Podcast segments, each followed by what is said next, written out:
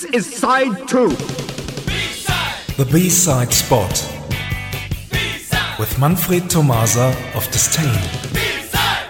Good evening, everyone. Good evening, Oren. Hi, Manfred. I have a very strange brain teaser for you tonight. And the band I'm talking about tonight had two top 10 single hits in the UK charts during the 1980s. So this is about the 80s again. Hmm.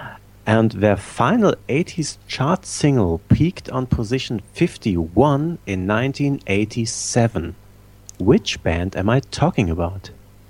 Only two top 10 singles? Right. 80s?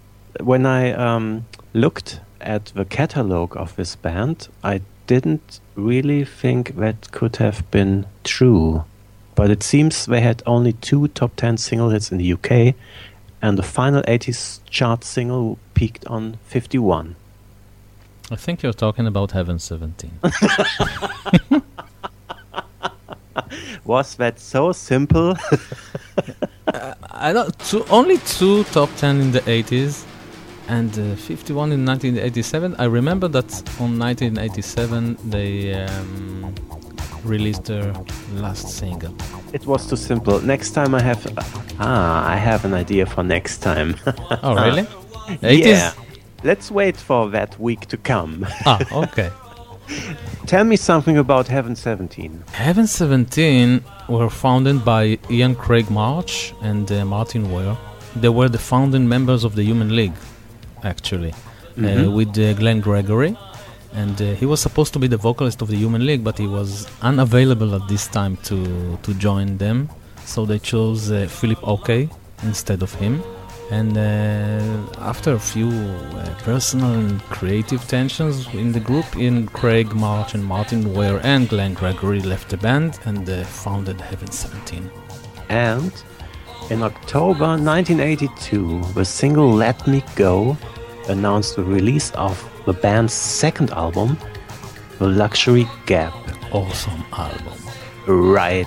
and this album reached position 4 in the UK long play charts. And you can't believe it, Let Me Go, I think maybe their best song ever, maybe?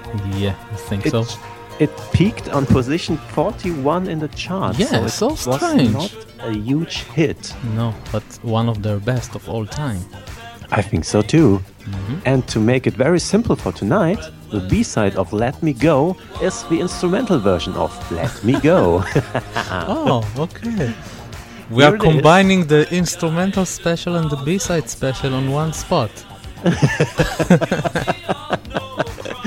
yeah, maybe uh, we should announce another special for, well, let's say in about a year. Okay. Well, who knows what will be here in another way. Right. Okay. So here is the instrumental version of Let Me Go and see you somewhere in time. Bye, Manfred. Thank you. Bye bye.